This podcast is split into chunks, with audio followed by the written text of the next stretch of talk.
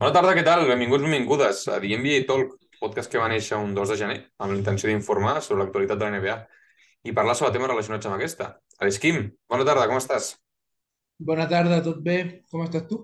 Jo estic fantàstic, jo com sempre, i a més a més molt content perquè aquesta setmana he vist molta NBA, tinc moltes coses a parlar, no només els meus estimats Lakers, que també, sinó d'altres equips, perquè vaig quedar amb aquella frase que vas dir fa un parell d'episodis, pot ser la millor temporada de les nostres vides?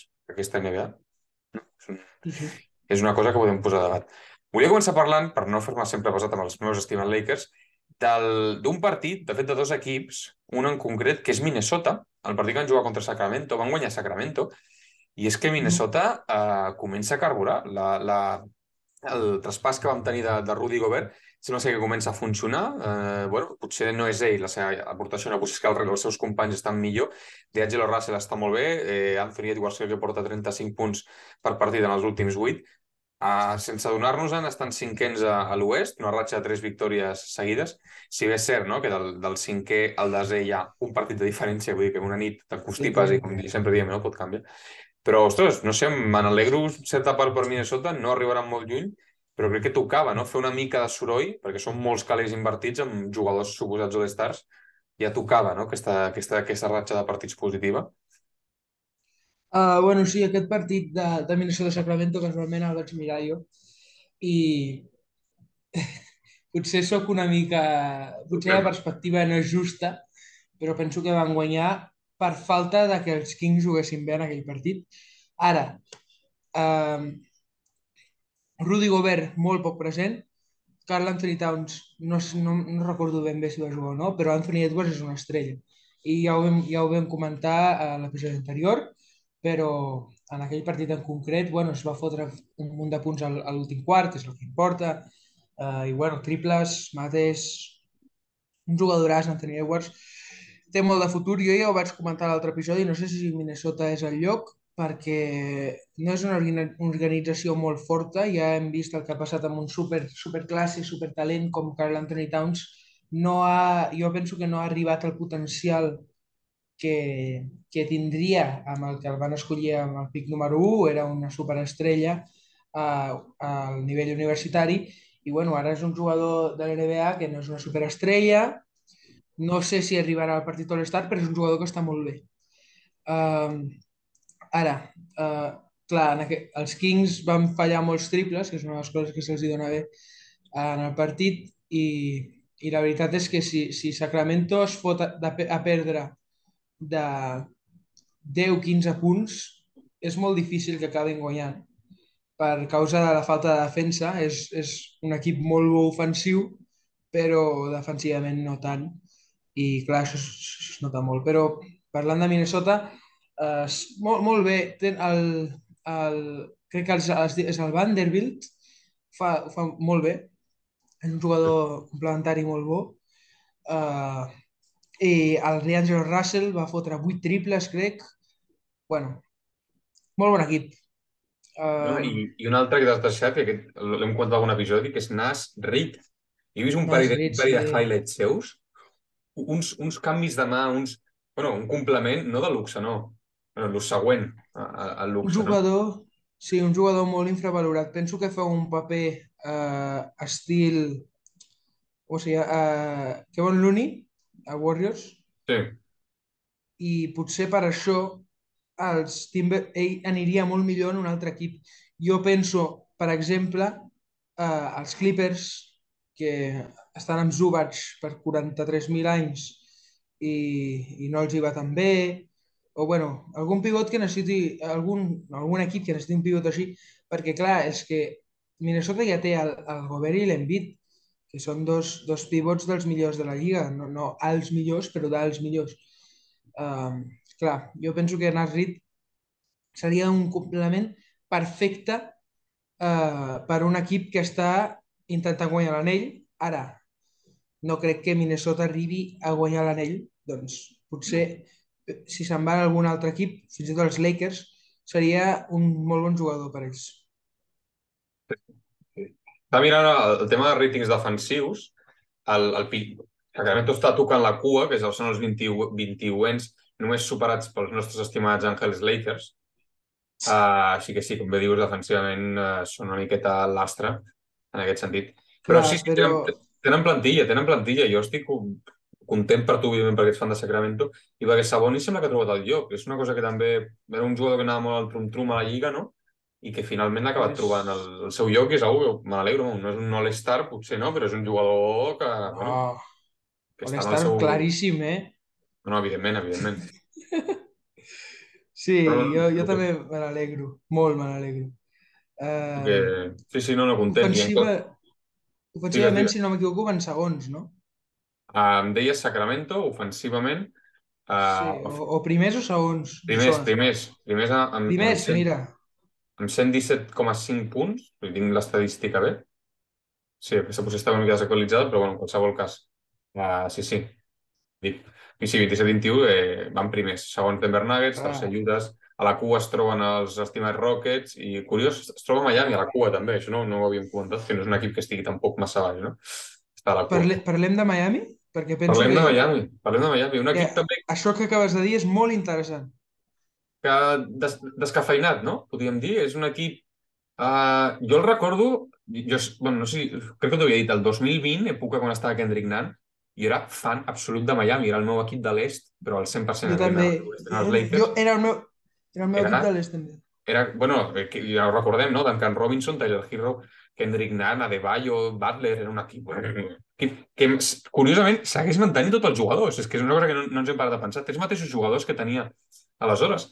Però, no sé, no? les sensacions... Eh, al, algú passa a Miami, no? No t'ho sembla? És com la sensació és que ja no és el mateix equip que fa unes temporades, amb uns quants anys més, però, hòstia, al cap de la fi tenim el mateix, no?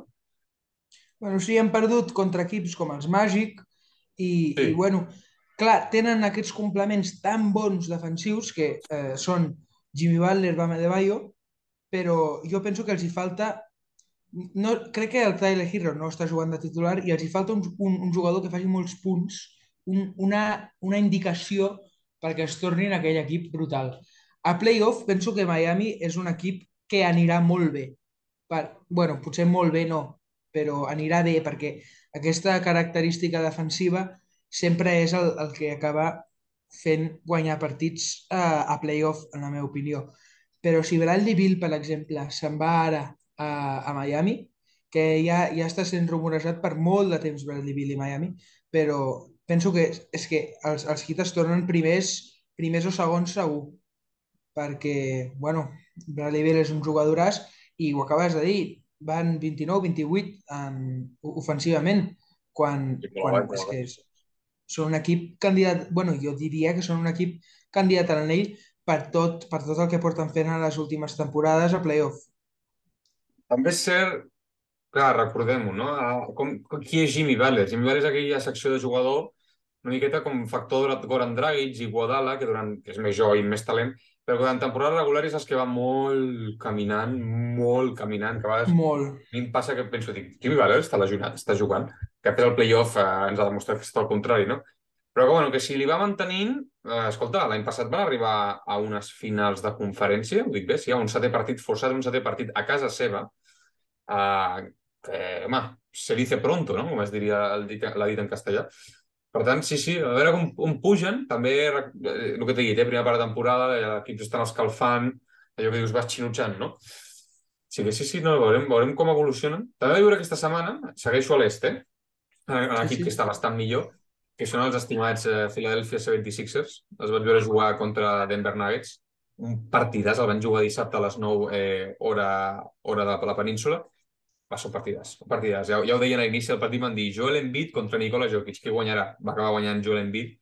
Perquè li van preguntar a l'entrenador de Denver, que no me'n recordo del seu nom, Michael Malone, correcte, Uh, li van preguntar què és el que més et preocupa de Joel Embiid i va dir, el que més em preocupa de Joel Embiid és lo gran que arriba a ser. I realment, si tu pares a mirar pista, és que és molt més gran que, que el propi Nikola Jokic, eh? Una cosa molt forta, eh? Molt més gran. El partit, no sé si te'l vas veure, va ser, bueno, un, un, un espectacle de Joel Embiid, 47 punts va acabar, al final insistia un triple amb un step back a la cara de Jokic per treure's el barret. Bueno, Filadèlfia, i, i, i vaig tenir dubtes, no sé si això ho havíem comentat, Harden, que el veiem més apagat, no? Però clar, Harden està en aquesta faceta més assistent, no? Té jugadors que insisteixen molts punts, que a més a més ja els tenia abans, però ara estan jugant millor, I ojo amb aquest Harden assistent, eh? Aquest Harden assistent és una mica l'Ebron d'aquests que ajuda, fa jugar a tothom. Em va agradar molt Filadèlfia, eh? La veritat és que és un partit que te'l recomano veure. Va estar molt, molt, molt bé i, bueno, el duel Embiid-Jokic eh, sempre és, és d'admirar, la veritat, no t'enganyaré. Em va encantar. Veure, Joel Embiid les últimes dues temporades ha, estat amb Jokic candidat a, a MVP, claríssim, perquè és, és, un, és que realment, si, si, si es posa és un jugador imparable i per això té tants uh, tirs lliures, no para de tirar tirs lliures Joel Embiid perquè és que no se'l pot parar al, al, al davant de l'aro. Uh, I clar, això és un gran avantatge pels 76ers i per ell. Ara, en clau Harden, uh, l'altre dia vaig, vaig veure a una estadística que deia que Harden hi havia fet 40 punts a tots els equips de la NBA menys els Houston Rockets. És que jo, jo penso que si Harden vol tornar a ser aquest, aquest jugador que fot molts punts, ho podria fer perfectament, perquè seria una combinació, jo penso, quasi, no, no dic com, però quasi Shaq and Kobe modern, jo penso. Perquè és que el Harden als seus anys de Houston era, era un adotador brutal. Era 40 punts per partit, el tio. I 50. Era... En un mes de maig de fa un parell d'anys, 50. Eh? Sí, sí. Ara, si això és el millor per als, per als 76ers, no ho sé, però també no, no, no li doldria provar-ho, perquè pff, és que era imparable aquell Harden, i si abans estava arribant a, a semifinals o de conferència o finals de conferència amb Clint Capella, tu imagina't amb Joel Embiid. Joel Embiid és una, una, una versió super de Clint Capella a sobre fent molts punts penso que no ha de tornar-se aquell jugador, però pot tornar-se una mica més com aquell jugador, James Harden. I, bueno, Joel, Joel Embiid ja fa el seu paper. Està tirant bé, eh? Està repassant estadístiques. Els seus percentatges són correctes, un 30, quasi 39% tirs de 3, 55 en tirs de camp, 86 en tirs lliures. A minuts està, ara mateix t'ho dic, minuts per partit, està en 36,8, vull dir que les mitjanes són les mateixes. L'únic que dona la sensació que és com ell el que ha decidit baixar. No és algo extern, sí. ell que ha decidit baixar tranquil·lament.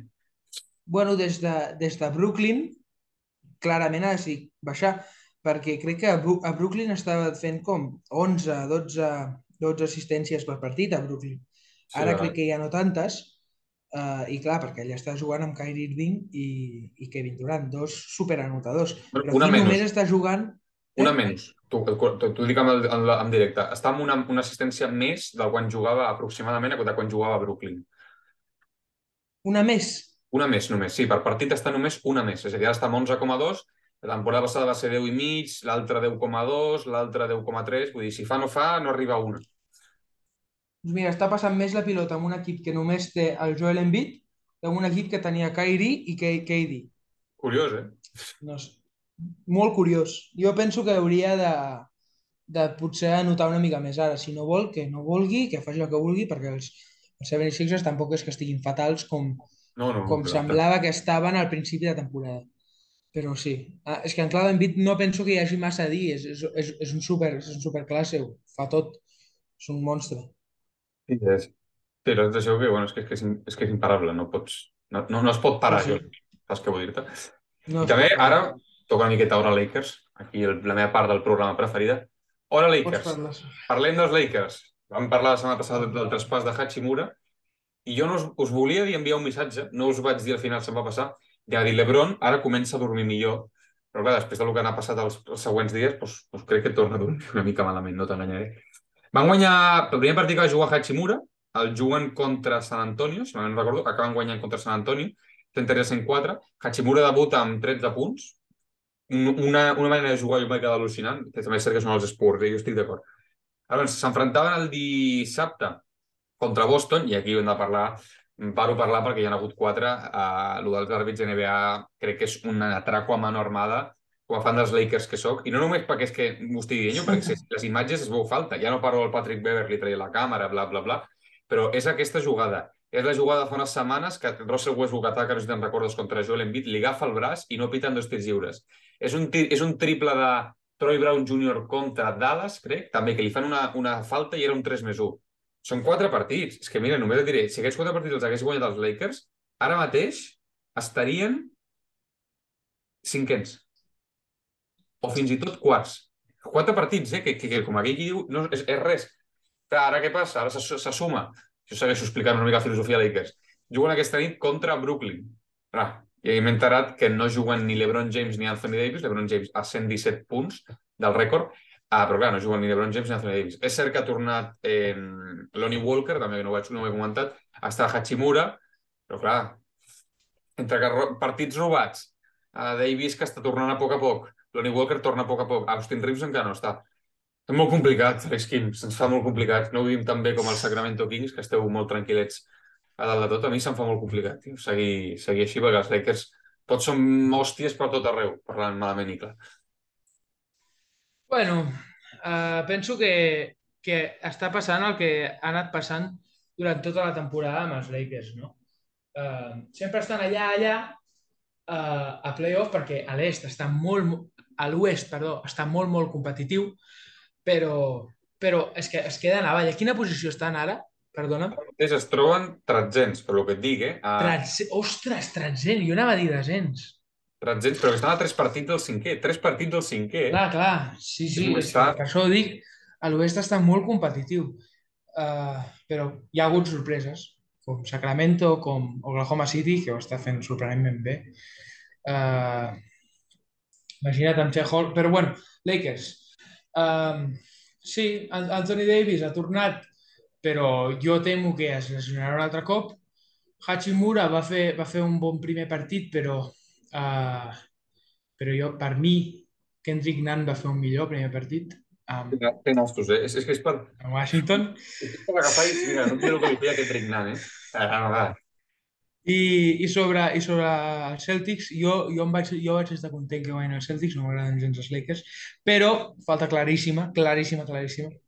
No sé com els àrbits de, de l'NBA van perdre una jugada així. A sobre, a sobre amb l'Ebron James, que tu saps que està més de 20 anys, no sé si són 20 anys, bueno, està molt de temps a la Lliga i una entrada així ell no la fallaria. Tu has, tu has, sabia, sabia, haurien d'haver guanyat aquell partit dels Lakers. Però bueno. Uh, continuant amb els Lakers i una mica amb el tema Kendrick Nunn, jo l'altre dia vaig estar reflexionant que cap, cap jugador jove ha aconseguit brillar amb l'Ebron James. Cap. Si tu t'ho mires, Lonzo Ball, Julius Randle no sé si va, si va arribar a jugar amb ell, Brandon Ingram, uh, Josh Hart, bueno, tots els del canvi de l'Anthony Davis, um, ara Kendrick Nunn... Uh, Thomas Bryan, Thomas Bryan era Michael Jordan, no? jugava a Washington. Thomas, Thomas, Thomas Bryan, un munt de jugadors que no aconsegueixen brillar amb el LeBron. Ara, clar, tenir jugadors joves amb un equip amb LeBron no fa sentit perquè si tu tens LeBron és perquè vols guanyar un anell, no vols uh, fer desenvolupament, desenvolupament de joves. El mateix uh, Malik Monk, que encara és, és raonablement jove, la temporada passada era algú que, ah, si el Lebron no juga bé, jo jugo bé. Però, o si el Lebron no juga, jo jugo bé. Però ara amb els, amb els Kings està sent una, una peça essencial. Doncs, però, però em, em sembla curiós, perquè a més el mateix, el mateix Kyrie ja, ja era un jugador consolidat quan va, quan va reincorporar-se al LeBron James. Doncs sí, és, és algo que s'hauria de mirar pel seu, pel seu punt de vista, encara més si vol jugar amb son fill. Però... Bueno, però bueno. és, és com, com, com juga, o sigui, és la manera de fer de l'Ebron. L'Ebron ha, de ser el protagonista i si ell no és el protagonista, doncs evidentment la cosa no va bé. Per tant, s'ha de rodejar d'especialistes. Uh, per exemple, un cas que recordo així d'èxit, entre cometes, és el de, és el de Danny Green. És cert que va arribar com a bastant veterano, però ostres, a les finals va fer un bon paper, Uh, aquí més teníem més tiradors. El, el mateix Talent Horton Tucker, és cert que era jove, però bueno, entre cometes va semitriomfar. Està d'Avery Bradley, que també recordo ara buscant aquí estadístiques. Um, també va fer un... bones temporades. Et dic, la clau dels Lakers sempre és l'Ebron i el que tingui al voltant, i sempre ha estat així. Mira, Lakers tinc aquí uh, bueno, punts per partit, sí que sé que era més gran, 6,4 a les dues temporades que va estar, i 8,6 a la primera. Uh, bueno, és el que et dic, Sí, sí, és, és l'estil LeBron, tal, i en clau Boston, Jo me n'alegro, també, perquè el meu equip de l'est saps que també és Boston. Jo sé, vaig amb el primer i amb l'últim, té collons, eh, també. Però és igual. Uh, Boston content, venia una ratxa bastant dolenta, havien perdut 5 partits, van tornar a guanyar, però la sensació és que Boston és com, com quan vas a l'autopista, posar el cotxe en pilot automàtic, 140 i no baixes fins a final de, de trajecte, i és que és aquesta sensació la que em dona. Tenint, tenint baixes de Marcus Smart, uh, han perdut aquesta batxa de partits, però jo crec que és una cosa simple, batxa al camí, i que, i que tiren endavant perquè bueno, tenen un equip per Jason Tatum està a un nivell que també és una altra cosa que no hem parlat per què Jason Tatum no pot ser MVP? T'ho pregunto tu, per què, per què no el podem considerar MVP Jason Tatum? L'equip doncs també diuen ser... que és. Ah, és que, pot... mira les estadístiques, vale, ok, ara mateix Joel Embiid és el màxim notador. El segon és Doncic. Estan posant a, a saco a saco a, a, a Nikola Jokic que Nicola Jokic està al setzè en anotació, 25,1 punts. Té 15 persones per davant. Ah, no sé quins criteris fem servir per agafar l'MVP. Eh? És per agafar-lo amb moltes pinces, eh? Ah, què donaries tu a, dia d'avui? El dia d'avui jo estic entre Tatum, Embiid i Antetokounmpo. Ningú, ningú de l'oest. A l'est s'ha tornat al lloc de les superestrelles per mi, però Janis més al principi, perquè els Bucks estaven molt bons, però igualment estava fotent partidals tots els dies. Uh, ara amb Middleton l'equip està millorant una mica, però jo al principi de la temporada, uh, al podcast no ho vaig dir, ho vaig comentar amb els meus amics, que pensava que el Tatum seria candidat seri, seriu al, a l'MVP i penso que, que ho és, perquè és un anotador molt bo i ara està començant a entrar als seus anys d'or, deu tenir 24-25 anys. Clar, quan tens 30 és quan realment ets, ets, ets el jugador que a la temporada regular, regular no tant i en, en playoff sí, però ara en 25 penso que és quan ha de guanyar MVP.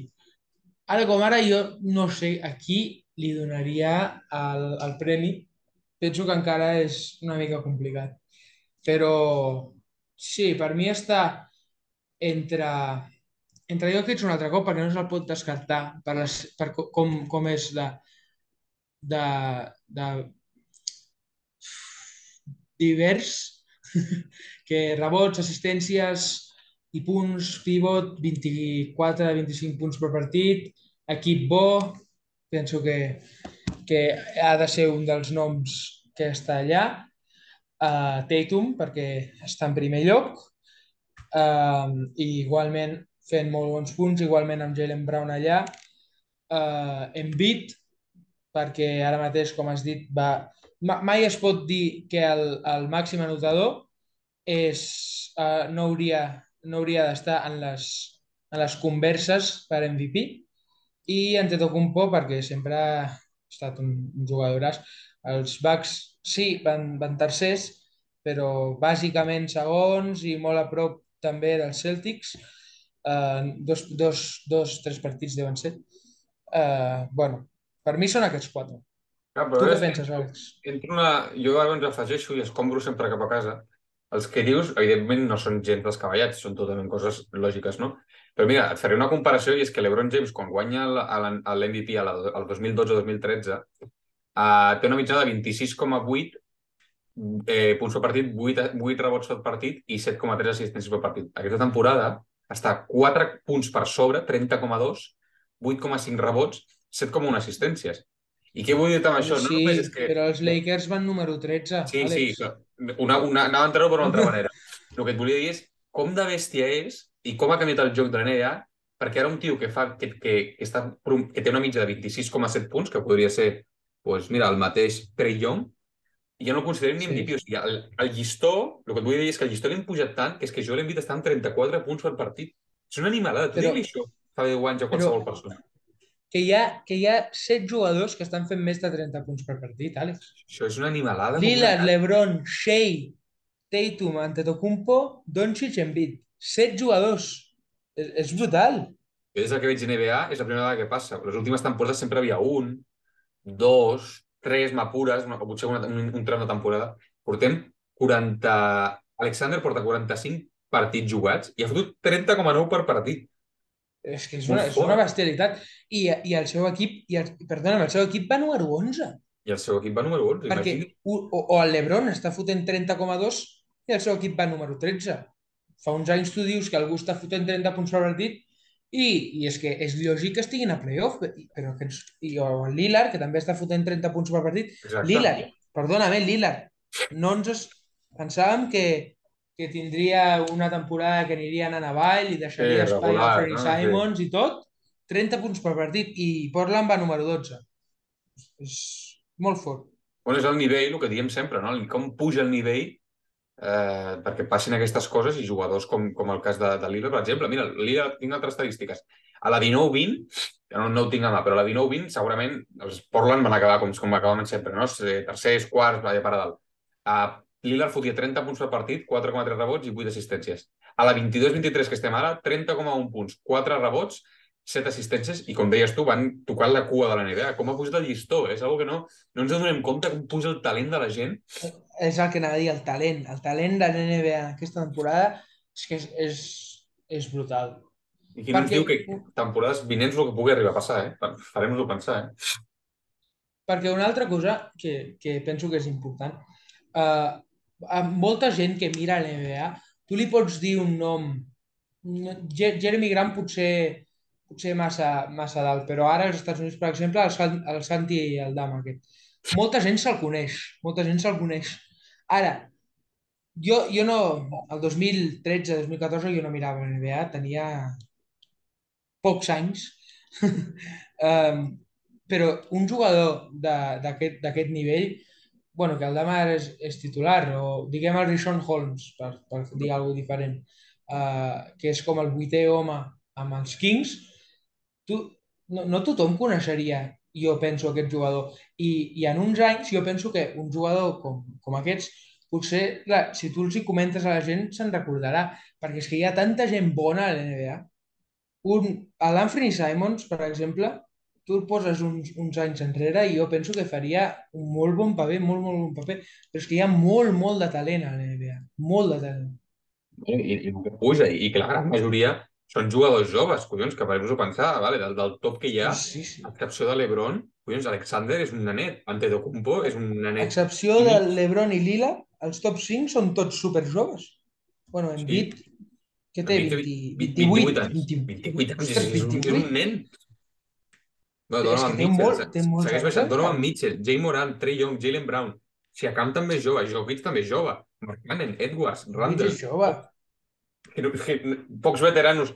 També destaco aquí, evidentment, el, el liderazgo de l'Ebron i el, el, la tirania de l'Ebron de que amb 40 palos que quasi té sigui el sisè, eh, el màxim anotadors. Però, ostres, el futur és, és prometedor, eh? mai més ben dit. Eh? Molt, molt, pro, pro, molt prometedor. I, i, i, i el que ha de venir. I, I un moment, eh? Un altre dels jugadors que està quasi, quasi, quasi 30 punts per partit és Kyrie Irving. I, Sí. i només té 30 anys, eh? Que no en parlem. Sembla moltes que persones s'imaginen que el Kyrie ja en tindria 32, 33, per causa que a l'anell amb l'Ebron va ser el 2016, que es fa 6 anys. Ojo, vaja. 6 anys. Bueno, 7, 7 ara, Set, si, set. si contem 2023. Uh, Kyrie té 30 anys. Bueno, No, no, és, és, és abismal, és, és, és, és el que fa aquesta lliga tan preciosa. És, tu pares a pensar què, què ens Molt agrada, doncs, doncs això, el talent. Collons, l'altre dia, per exemple, mirava, ara ben recordat, vaig estar mirant a un partit de... Vaig veure Charlotte i Orlando. Em van encantar com a equips, eh? Evidentment, són nanets que Ah. estan tocats del cap, però vaig veure el Charlotte-Miami, vaig veure a, a, a PG Washington, clava quatre triples en 50 segons, uh, la Melo Ball allà fent di- diablures, a Mason Plumlee de Mudanzas Plumlee. Collons, em m'agrada molt, i el mateix amb Orlando. Vaig veure Orlando com va tornar... Vaig veure el partit que ens jugava contra Boston de Banquero i que va tornar també Jonathan Isaac, Banquero, el de Banquero. Ens, ca ens cagarem Sí. a sobre, eh? Com vingui Banquero. Un tio, un, un no sé què dir-te, un combo guard però molt alt, que baixa la pilota, tira bé. Alerta amb aquests dos equips d'aquí unes quantes temporades, eh? També amb, amb els estimats eh, Oklahoma City Thunder, no? Però aquests dos, vull dir que són equips que prometen, eh, senyor? Especia especialment Banquero. Uh, ja està fotent 20, 20, 20, 20, 20 punts per partit. Um, i, i, i té el seu 20, els seus 20 anys. És la seva primera temporada a l'NBA. Sí. Tanto. Uh, Banquero, jo penso que serà una, una superestrella. Penso que potser arriba a nivells Tatum per al seu perfil.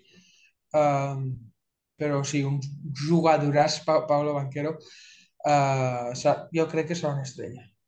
Que de moment... I, eh, digues, digues. I la Melo Ball, no sé. Bé, jo penso que acabarà sent un bon jugador, però no una superestrella, per causa del seu caràcter. T'entenc, t'entenc.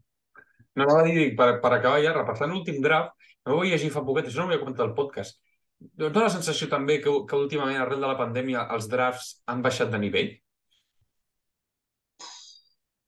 Per exemple, aquesta Penso temporada que... mateix, si mires, està Banquero, està Murray, està Mathurin, i fora d'això, sí. és que no hi ha més gent, eh? Sí, doncs, doncs sí, Ten, tens raó. Um, eh, jo també penso potser perquè de, també depèn de com la gent s'estudia els jugadors. Um, jo, per exemple, no, no sé res dels jugadors que venen al draft, amb, aquest, amb l'excepció d'aquest any de Wembenyama i, i Scott Henderson, perquè yeah. no paro de veure'ls al meu Instagram i al Twitter i no sé què. Um, jo no miro sobre els jugadors que venen al draft fins la setmana abans, que em miro a, a les prediccions i, ah, mira, aquest anirà primer, aquest anirà segon, aquest anirà cinquè, em miro aquests i ja està. Uh, I després, quan entrin a l'NBA, ja veurem de, de com són. Jo penso que potser és, és per això, perquè no, no molta gent s'estudia tant, tant els drafts. Però sí, sí, és veritat. El... També potser uh, aquesta, que, que aquest draft no hagi sigut tan bo com potser algunes persones esperaven és perquè Jabari Smith Jr. està... No, no sé si està lesionat o si està decepcionant perquè tinguis noció de, de com no sé res de Jabari Smith Jr., que va ser el segon, segon pic o tercer pic, no me'n recordo. Chet Holgren es lesiona a pretemporada i, i bueno, Benedict Mathurin sí, fent-ho molt bé i el, el Murray també, però els altres més avall no, però els top 3 que havien de ser superbons, un està lesionat i el Smith Jr., doncs, mira, la veritat és que no ho sé. Um, no, sé no, no ho sé, no sé. Tu saps? No, tampoc, tampoc. I si repasses fins i tot el del 2021 i per deixar un any de marge, no? Però si t'hi poses a mirar, Cunningham, Pluf, Jalen Green, eh, un equip que, que bueno, Mobley, l'únic que te'l salvaria. Scotty Barnes, ok. La resta vaig baixant. Trobo així interessant Cominga, que, bueno, trobo Wagner dels, dels Orlando Magic, correcte, no?